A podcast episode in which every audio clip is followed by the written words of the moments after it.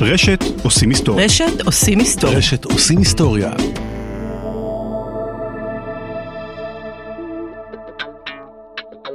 אתם מאזינים לעושים טכנולוגיה, פודקאסט על טכנולוגיה, אנשים ומה שביניהם.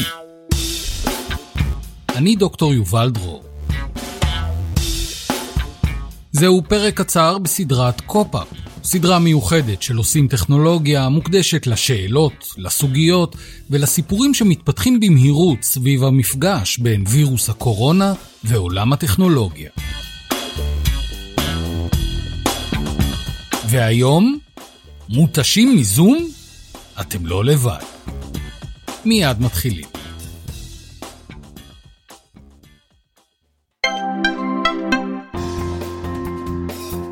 בתקופה בה כל ציוץ אקראי בטוויטר הופך לעובדה מדעית, צריך לדעת את מי לשאול ולמי להקשיב. פרק חדש של לעומק הרפואה מארח את פרופסור גליה רהב, מנהלת היחידה למחלות זיהומיות בבית החולים שיבא, ומי שנבחרה להדליק מסועה ביום העצמאות ה-72 בעקבות פעילותה לבלימת המגפה, לשיחה על העתיד שצופן לנו וירוס הקורונה, האם נצליח למצוא חיסון בקרוב, והאם יש סיכוי שהקורונה תיעלם כלעומת שבא. לעומק הרפואה. חפשו את הפודקאסט באפליקציית עושים היסטוריה באנדרואיד, באתר הבית שלנו, ranlevy.com, ובכל אפליקציות הפודקאסטים באשר הן. מוגש כשירות לציבור של חברת סנופי.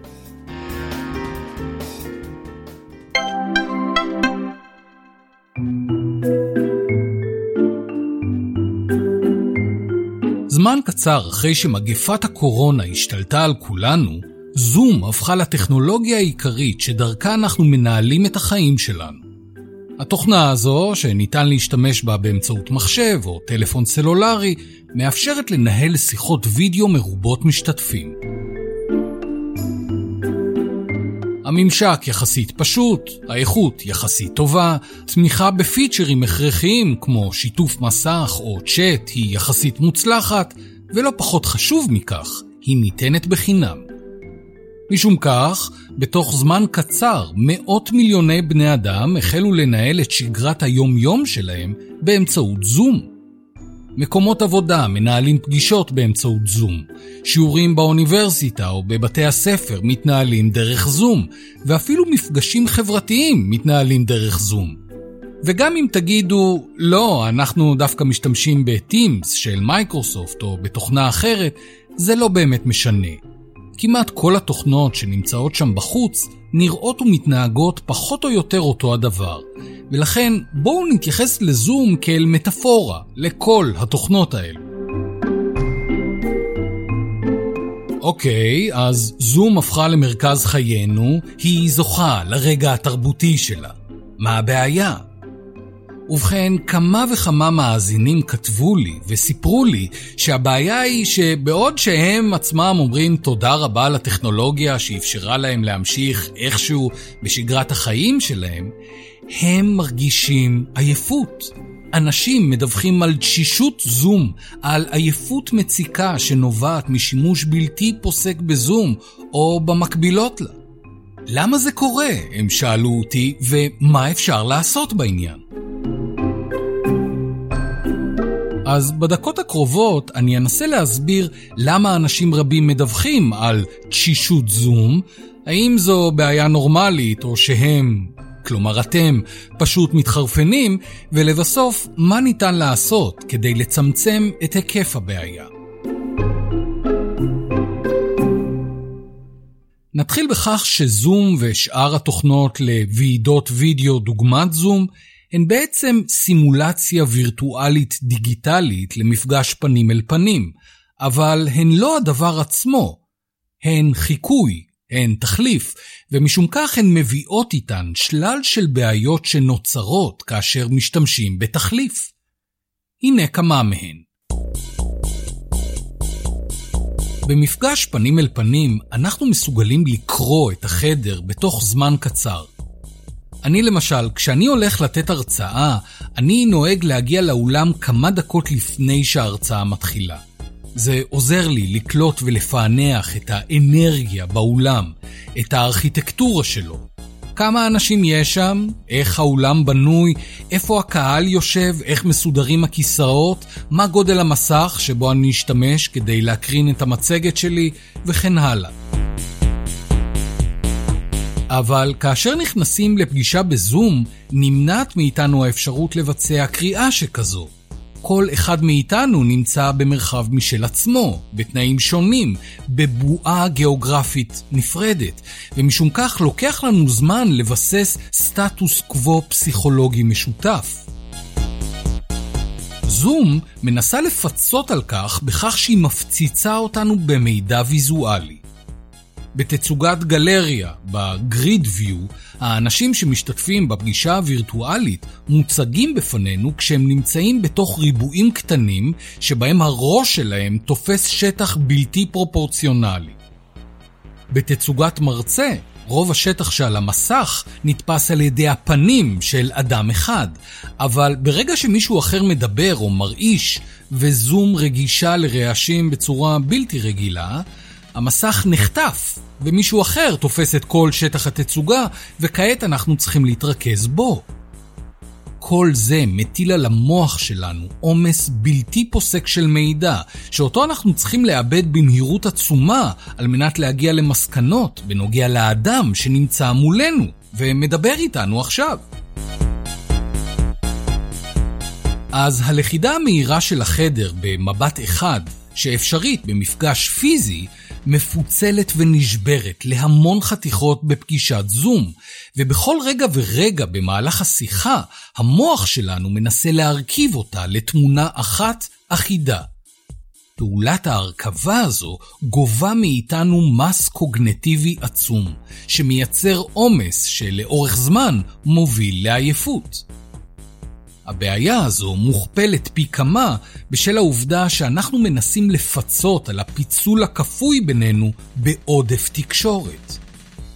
מה שפעם היה נפתר בשיחת וידאו או במייל, מועבר כיום לזום. אנחנו מנסים להיפגש יותר כדי להרגיש טוב יותר את הצד השני, ומשום כך אנחנו מייצרים אין סוף אינטראקציות זום שרק מחריפות את הבעיה. על כך יש להוסיף את הבעיות הטכניות הקשורות בתקשורת עם זום. בחלק מהמקרים יש לג, חוסר סינכרון בין התמונה לאודיו. העובדה הזו מטילה עלינו עומס קוגנטיבי נוסף, שכן עכשיו אנחנו צריכים להשקיע מאמצים בחיבור בין התמונה לקול, ונדרשים להשקיע תשומת לב נוספת שלא נדרשת בפגישה פנים אל פנים.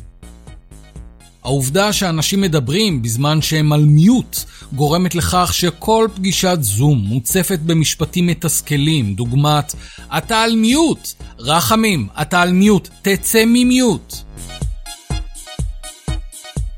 לפעמים הוא יוצא ממיוט, ולפעמים מסתבר שהוא בכלל לא היה על מיוט. האינטרנט שלו נתקע. בואו נחכה לרחמים עד שהאינטרנט שלו יסתדר.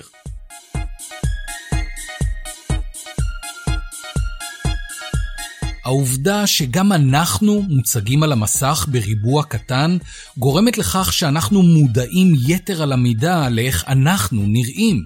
זו הסחת דעת שנמנעת מאיתנו כאשר אנחנו מסתובבים בעולם, כי אנחנו לא מסתובבים בעולם עם ראי. אנחנו לא רואים את עצמנו, אבל בזום אנחנו כל הזמן רואים את עצמנו. העובדה שאנחנו חושפים חלק מהבית שלנו שנתפס ברקע, היא מייצרת מתח. חלק מהאנשים מצטלמים שמאחוריהם קיר לבן. אחרים מחליפים את הרקע האמיתי לרקע וירטואלי שמייצר סוג של עיוותים ויזואליים.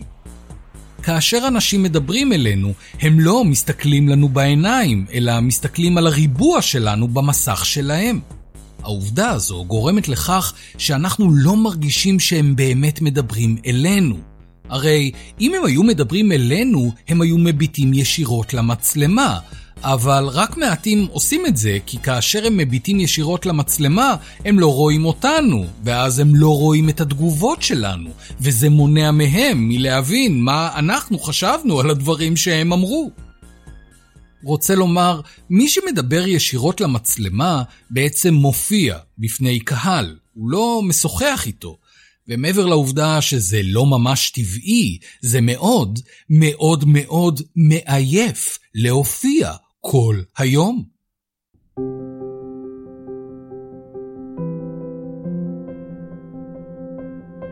גם העובדה שבמהלך השיחה אנחנו נדרשים להסתכל על פניהם של אנשים, גם היא סוחטת בפני עצמה. בפגישות רגילות אנחנו מפנים את המבט שלנו למקומות אחרים. לשולחן, לידיים שלנו, לפנים של אנשים שלא מדברים, לקירות של החדר, אבל במפגש זום אנחנו מרגישים לא בנוח לפעול ככה, כי זה עלול להתפרש כזלזול או שיעמום, ומשום כך אין לאנשים מנוחה קוגנטיבית.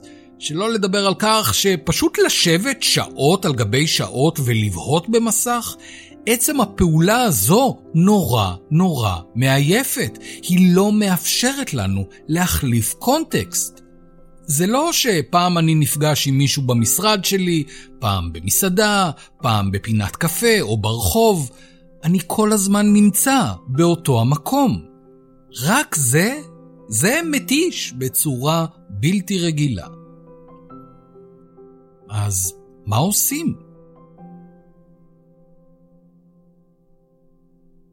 ובכן, הנה כמה הצעות ופתרונות שאספתי עבורכם.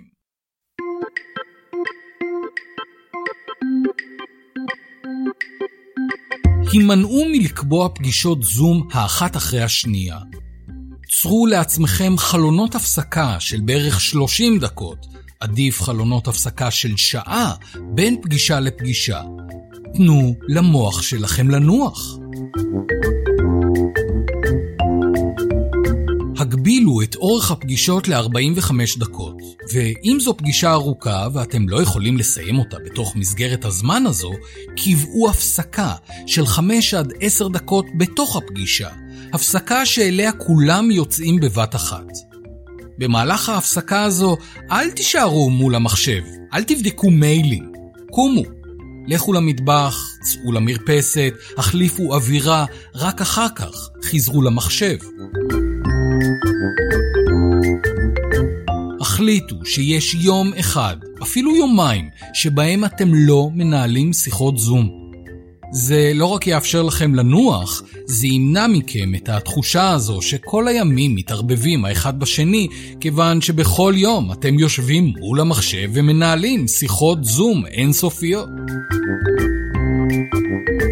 לבסוף, המירו חלק משיחות הזום בשיחות טלפון. טלפון זה בסדר, טלפון זה חוקי, זה מותר. זה ימנע את העומס הקוגנטיבי שמוטל עליכם בזמן שאתם מקיימים שיחת וידאו. אין ספק שבלי זום ודומותיה, החיים שלנו היו הופכים להרבה יותר מורכבים, הרבה יותר בעייתיים, אבל זכרו שכל טכנולוגיה שמציגה בפנינו פתרון, חושפת אותנו גם למגוון רחב של בעיות חדשות. בעיות שכעת כולנו מתמודדים איתן. בקיצור, אתם לא מתחרפנים. כלומר, אתם כן, אבל יש לכך סיבה מוצדקת. עד כאן הקופ-אפ שלנו להיום, על זום, תשישות והפתרונות לכך. תודה לעורך ולמפיק שלנו, גיא בן נון, למנהל הפיתוח העסקי, דני תימור, ולעורך הראשי, רן לוי. אני דוקטור יובל דרור. אם יש בעיניכם נושא או סוגיה שראוי לדבר עליהם והם קשורים במפגש שבין עולם הטכנולוגיה ומשבר הקורונה, כתבו לי ליובל.דרור אצל ג'ימייל. ניפגש בפעם הבאה.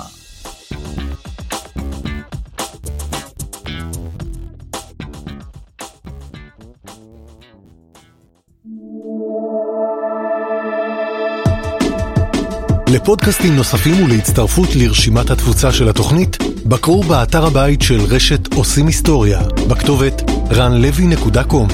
ranlevy.com או הורידו את אפליקציית רשת עושים היסטוריה שבחנות האפליקציות של אנדרואיד.